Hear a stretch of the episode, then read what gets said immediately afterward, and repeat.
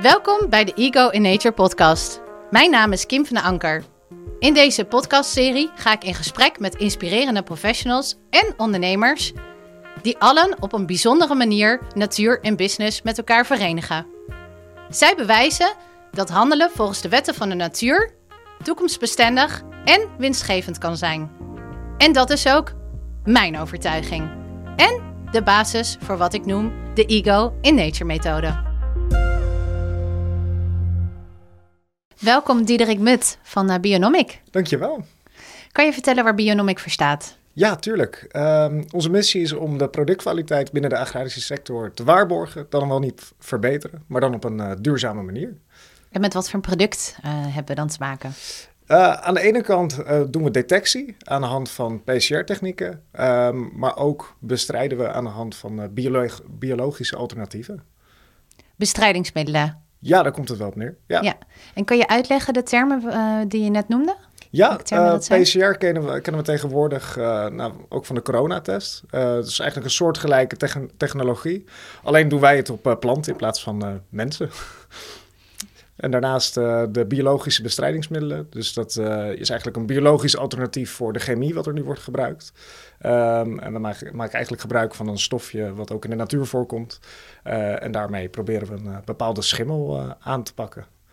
Kan je vertellen over het ontstaan van dat bestrijdingsmiddel waar je het net over hebt? Tuurlijk. Um, het begon eigenlijk allemaal tijdens onze studie. samen met mijn compagnon Stan deden we een project naast onze studie.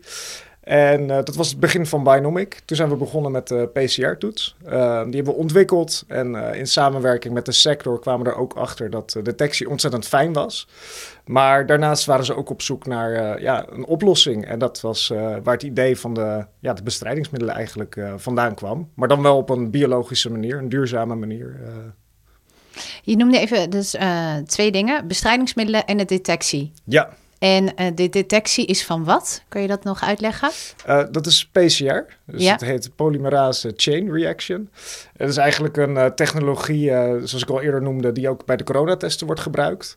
waarbij je nou, op basis van DNA ja, kan detecteren of er iets aanwezig is. Dus nou, met de coronatoets konden we corona aan, aantonen. En hierbij gebruiken we eigenlijk het DNA van een schimmel. Uh, en dat kunnen we dan detecteren. En dat is specifiek, een specifiek gedeelte van het DNA van uh, Fusarium, de schimmel, die uh, tulpen aantast. En daarbij kunnen we ontzettend gevoelig en specifiek aantonen of die schimmel aanwezig is in een sample. En het doel is dat we dat eventueel op de bodem kunnen doen of op de tulpen zelf. Dus neem je een monster ervan, haal je DNA eruit en op basis daarvan kan je vertellen of nou, die schimmel aanwezig is. En nu gebruik je diezelfde schimmel voor bestrijding? Nee, nee, nee dat is een uh, ander principe. Okay. Uh, we bestrijden eigenlijk wel de schimmel die we aantonen. Dus het idee is dat je eerst uh, nou, detecteert of die schimmel aanwezig is in een perceel land of de tulpen. en daarna kunnen wij het molecuul wat wij hebben gevonden gebruiken om deze schimmel dan ook aan te pakken.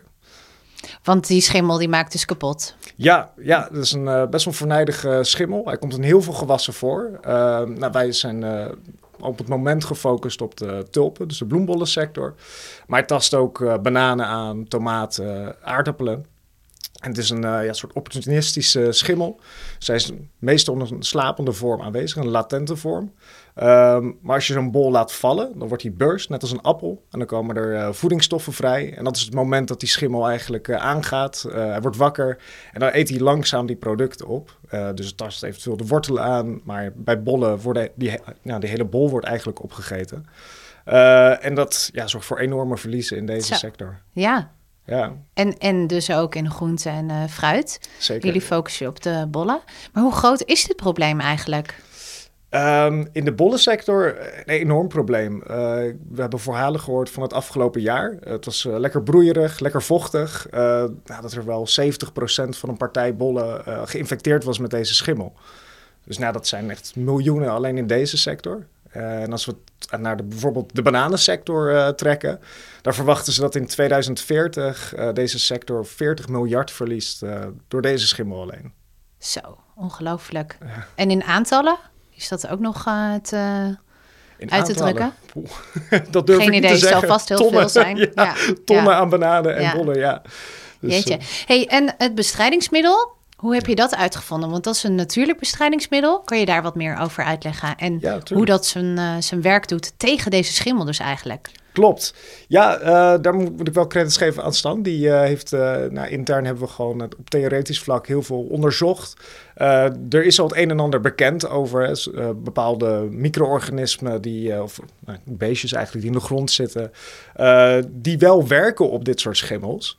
maar wat wij hebben eigenlijk, eigenlijk, hebben gedaan, is dat wij naar ja, de stofjes zelf kijken. Um, en daar is eigenlijk het idee begonnen de stofjes zelf, als in uh, die in de bodem zitten, die je net noemde. Ja, die, die uh, micro-organismen. Ja, die dat produceren. Uh, wat er nu veel wordt gedaan in bijvoorbeeld biologische alternatieven, is dat ze de, nou, de micro-organismen zelf gebruiken. Ja. En wat er daar, daarbij gebeurt, is dat nou, de micro-organismen moeten eerst daarheen migreren, die moeten zich vermeerderen. En dat duurt enkele weken voordat het überhaupt zijn werk gaat doen. En dan moet het beestje ook nog maar net zin hebben om dat stofje te produceren. Ja.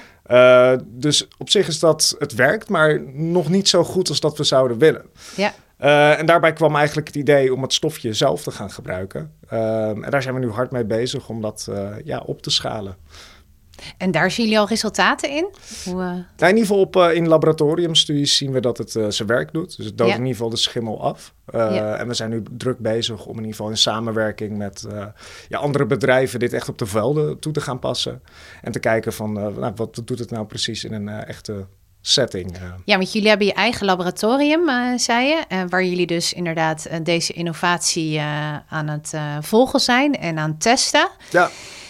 Um, en zijn er soortgelijke producten al op de markt dat jullie weten? Want dit is een gigantisch probleem waar we het over hebben, hè? die schimmel waar je net, uh, wat je net benoemde. Zeker, ja. Nou, de alternatieven die er zijn is uh, de chemie zelf. Uh, en nou, dat, dat is uiteraard, daar willen we langzaam vanaf. zeker omdat we er nu steeds meer achter komen dat het toch wel, zeker op de biodiversiteit, en er zijn al wat ja, correlaties, dat het natuurlijk ook met de mens wel toxisch is. Um, dus ja, dan val je eigenlijk van de regen in de drup. Dus je hebt de schimmel niet meer, nee. maar dan heb je dus de chemie. Exact, ja. Uh, dus dat is enerzijds wat er gebruikt kan worden. Uh, anderzijds is het biologische alternatief die micro-organismen. En dat is het nadeel dat het gewoon langer duurt voordat het uh, zijn werk gaat doen. Ja. Maar op dat vlak, er is nog geen specifiek gewasbeschermingsmiddel tegen deze schimmel. Dus daar werken wij nu hard aan. Dus ja, en ik denk uh, wat je zegt, van het heeft de tijd nodig om, uh, om dat te herstellen. Uh, dat is volgens mij ook hoe de natuur werkt. Dus dat je niet met hagel gaat schieten, hè, dus in dit geval met chemie, om die schimmel kapot te maken. Maar nee. dat we daar de tijd voor moeten nemen. Is dat ook iets waar jullie tegenaan lopen in, in jullie ontwikkeling van jullie bedrijf? De tijd ja, nee, absoluut. nodig is? Ja, nee, zeker als we het Kijk, zo'n stofje kan niet zomaar gebruiken op de grond. Er zitten uh, nou, uh, ontzettend veel regels aan vast, wat ontzettend goed is. Um, maar op het moment als wij zo'n stof goed willen gaan keuren, dan gaan daar jaren overheen voordat we überhaupt aan de beurt zijn. Uh, en dan gaan er nogmaals jaren overheen voordat zo'n stof goed is gekeurd en we het kunnen gebruiken. En op het moment is dat dus een hele grote hoop met nou, biologische middelen, maar ook nog steeds de oude chemische middelen uh, die goedgekeurd moeten worden. Dus wij lopen er eigenlijk tegenaan dat we, nou, we hebben ontzettend veel ideeën voor alternatieven. Maar er gaan meerdere jaren overheen voordat we nou, eenmaal daar zijn dat we deze uh, producten kunnen gaan gebruiken. Dus dat is uh, waar we op het moment wel tegenaan lopen, is het goedkeuringsproces, dat dat zo ja, langdurig is voordat we überhaupt aan de beurt zijn. Um, en daarbij moet je ook nog ja, documentatie aanleveren waarbij je laat, laat zien van het heeft een kleine impact op het milieu, kleine impact op toxiciteit op de, de mens zelf. Dus dat is ontzettend goed. Maar voordat we nou, dat eigenlijk mogen indienen en er echt naar wordt gekeken, zijn we al uh, meerdere jaren verder, helaas. Oh, wat zonde. Want het lijkt echt een prachtinnovatie. Is het zo dat jullie nu ook niet in de praktijk dit kunnen gaan testen, wat je net zelf al aangaf? Ja, nee, dat is ook een, een, een van de voorwaarden voordat je uh, het dossier aan mag leveren. Is dat je al naar verschillende nou, cyclussen hebt gekeken. Dus verschillende keren heb je, heb je het al op het product gebruikt. En dan pas kan je het dossier in, uh, inleveren. Hoeveel tijd hebben we het dan over? Voordat we überhaupt aan de beurt zijn? Ja. dan waren we volgens mij in 2027 aan de beurt. Jeetje. Ja. Dat, is, uh, dat, dat, dat duurt lang. Dat duurt, ja, vrij lang. En dat is alleen nog maar om het te testen in de praktijk? Uh, in 2027 mogen wij het dossier dan indienen. En dan gaat er nog, afhankelijk van of het een hoog of laag risico is, gaat er nog één à twee jaar over, over, overheen voordat we het echt ja, mogen kunnen gebruiken als product zelf. Dus dan is het goedgekeurd in de Europese Unie en dan mag het gebruikt worden. Wat zou jouw wens zijn hierin? Mijn wens zou zijn dat dit volgend jaar al kan als wij in ieder geval het dossier uh, klaar hebben, dat we dit meteen in kunnen dienen, zo snel mogelijk uh, dit proces door kunnen gaan en de sector ook gewoon kunnen gaan helpen. Zijn er al sectoren, nou ja, je gaf het net zelf aan, die zijn natuurlijk, ik, ik neem aan dat die staan te springen om jullie product. Als we het erover hebben, dan, dan zeker ja. En dan krijgen we meteen de vraag van wanneer kunnen we dit gebruiken? En dan moeten we ze toch wel teleurstellen met ja, het is nog eventjes wachten. maar het komt eraan. En er zijn al genoeg bedrijven die dus bij jullie aankloppen of die jullie spreken, die zeggen: ja, wij willen heel graag. Ja, nee, als we met de boeren praten, dan, uh, dan horen we zeker van wanneer kunnen we dit gebruiken. En dan lopen we toch wel tegen het ja, regulatoire aan, helaas. En wat zou dan jullie product in potentie voor deze personen, voor deze bedrijven kunnen betekenen?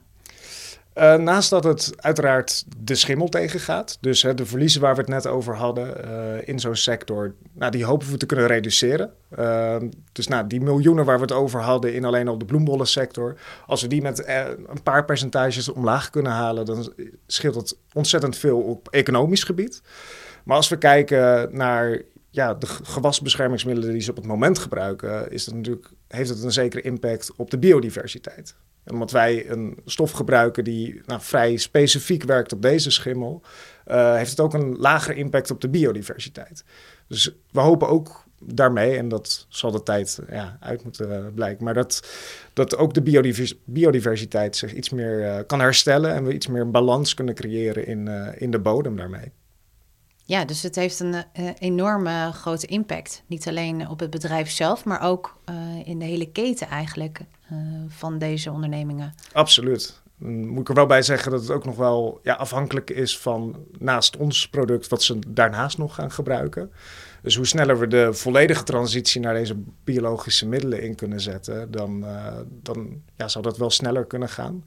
Kijk, als er nog steeds producten worden gebruikt die die biodiversiteit aantasten, dan kan je natuurlijk wel één middel gebruiken wat eh, beter is voor de biodiversiteit. Maar ik denk dat we een algehele oplossing daarvoor moeten eh, verkrijgen om dat volledig te kunnen herstellen. En wat zou dat zijn, die volledige oplossing? Of is dat iets wat jullie gaandeweg verder willen ontwikkelen? Ja, ik, ik weet niet of wij dat zelf kunnen doen of dat we dat in samenwerking met bedrijven moeten doen. Maar ik denk dat als we volledig overgaan naar meer van dit soort producten. Er zijn natuurlijk nog veel meer pathogenen die uh, planten aantasten. Dus daar zouden ze ook nog steeds wat voor moeten gebruiken. Dus hoe meer van dit soort ideeën we de sector in kunnen krijgen en hoe sneller, hoe beter, eh, denk ik. Wat ik zo mooi vind aan dit voorbeeld, en daarom heb ik jullie natuurlijk ook uitgenodigd, is dat jullie natuur met natuur combineren. He, dus niet natuur en chemie, wat er nu heel vaak uh, is gebeurd in de afgelopen, nou zeg decennia, honderden jaren. Ja. Um, en ik hoop uh, dat dat ook iets is hè, waar jullie de ruimte voor gaan krijgen om dat verder te mogen gaan ontwikkelen. Wat, wat vertelt zo'n certificeringspersoon jullie op het moment dat je dit uitlegt? Um, wat hij ons vertelt was ja, in principe dat we in 2027 de eerste zijn. En daarnaast um, ja, is het aan ons om eigenlijk alles aan te gaan leveren. Dus, uh... Snap ik. ik. Ik probeer ook naar de menselijke kant te kijken. Dus ja. op het moment dat jij van mens tot mens met deze personen praat ja. en het uitlegt dan neem ik aan dat het verder gaat dan alleen je bent in 2027 aan de beurt. Tenminste, dat hoop ik. Dus wat, wat is het gesprek daarachter wat er plaatsvindt? Ja, die moeten eigenlijk nog wel plaats gaan vinden. Dus, um, en ja, op dat gebied heeft Stan uh, de gesprekken gevoerd. Dus ik durf daar uh, helaas niet zo heel veel over te zeggen. Maar ja, ik hoop dat als we verder met hun in gesprek gaan, dat er inderdaad uh, meer wordt gezegd van in 2027 hele eerste. En dat er ook ja, kan worden gekeken naar hoe, hoe we dit kunnen versnellen met z'n allen. Ja. Ja, dat zou uh, mooi zijn. Maar ik, ik, ik ben ook benieuwd of um, hè, deze regel die er nu is, of dat daaraan te tornen is. Hè? Omdat het, wat je ook zegt, het is zo wenselijk, ook vanuit de industrie. Het is, um, hey, jullie product is een natuurlijk product. Dus ik denk dat dat niet alleen de industrie is, ook wij als consumenten, dat we daarop zitten te wachten. Dus wat zou dat wat zou de opening kunnen zijn daarin? Ja, uitstekende vraag. Ehm, ik hoop dat we eventueel, maar dat is misschien een longshot, met uh, beleidsmakers kunnen gaan zitten over hoe kunnen we dit proces versnellen. Of er eventueel een, een Kijk, zoals ik al aangaf, we hebben nu een hoop met uh, eventueel chemische middelen, biologische middelen. Of op de een of andere manier toch wel die biologische middelen uh, voorrang kunnen verlenen, zodat we het proces kunnen versnellen. Maar dat moet wel vanuit uh, ja, Brussel gebeuren dan. Dus dat is nog wel een hele lange weg die we dan ja, moeten bewandelen op dat vlak. Maar als in ieder geval de biologische middelen, de alternatieven ervoor voorrang zouden kunnen krijgen, dan kunnen we dit natuurlijk die transitie veel sneller inzetten. Ja, ik vind het heel mooi wat jullie doen. ik stel je natuurlijk niet voor niks deze, deze pittige vraag. Omdat ik meerdere personen spreek die zeggen... we lopen tegen wet en regelgeving aan... Ja. met innovaties die wel dienend zijn uh, voor de natuur. Dus wat als iemand hier nu naar zit te luisteren en, uh, of te kijken... en die zegt, ik wil helpen. Um, hè, als beleidsmaker of als uh, andere toehoorder die zegt... ik wil hier iets aan doen. Ja. Wat, wat zou jij willen vragen? Allereerst een, een gesprek waarin we de, nou, dieper op de details in kunnen gaan. En ook specifiek waar we nou tegenaan lopen. Um, en dan is de vraag nog steeds van ja, hoe kunnen we dit versnellen? Dat is, uh, dat is denk ik de, de kernvraag op het moment. Want dat is het meeste waar we tegenaan lopen. Ik bedoel, in het laboratorium gaat het snel, zo snel als het gaat. Ik bedoel, onderzoek duurt nou eenmaal lang. Um, maar op het moment lopen we hier tegenaan. Terwijl het normaal andersom is. Normaal loop je een beetje tegen het onderzoek aan, want het duurt nou eenmaal lang. Maar ik denk dat dat nu sneller gaat dan dat de toelating is. En ik denk dat dat uh, niet helemaal de bedoeling is. Ja, ja je zegt het netjes. um, en wat je ook terecht zegt, is dat jullie bezig zijn met die ontwikkeling. Maar dat houdt je min of meer dus nu ook tegen, uh, omdat je niet verder kan met die ontwikkeling. Ja. Maar wat zou dit in termen van winst voor natuur en bedrijf gaan opleveren, denk jij? Als we dit kunnen versnellen. Ja?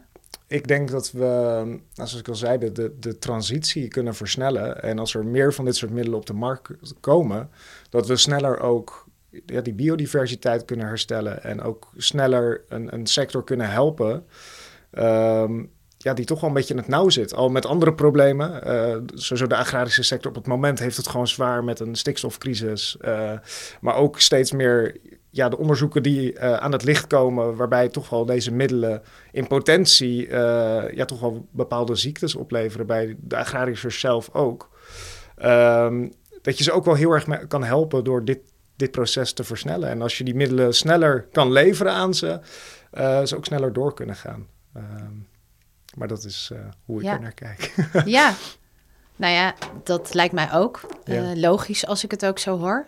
En ik hoop dat het proces wat er nu staat, dat dat uh, mag gaan dienen in plaats van belemmeren. Want zo, zo klinkt het nu uh, in mijn oren, maar misschien zie ik het helemaal verkeerd. nou ja, ik wil niet zeggen dat het uh, dermate belemmert, maar ja, als we in ieder geval ja, de biologische alternatieven kunnen iets naar voren zouden kunnen schuiven. Niet alleen uit eigen belang, maar ook in het belang van de sector, dan zou dat ontzettend helpen. Mooie uitnodiging lijkt mij. Absoluut. ja, Wij staan er in ieder geval voor open. en jullie zijn op een missie. En ik denk dat, die, uh, dat dat een uh, hele mooie missie is. Ik hoop en ik wens dat we hier wat versnelling in uh, kunnen gaan zien en verwachten. Ik hoop het ook heel erg. niet alleen voor ons, maar ook voor de agrarische sector. Ja. En uh, ja, mocht er iemand kijken, dan uh, ontzettend graag. Wij dankjewel voor, ja, dankjewel voor, voor je openheid, maar ook dank jullie wel voor uh, hè, dit, deze mooie ontwikkeling die, waar jullie voor staan. Ja, geen probleem. En bedankt voor de uitnodiging nog.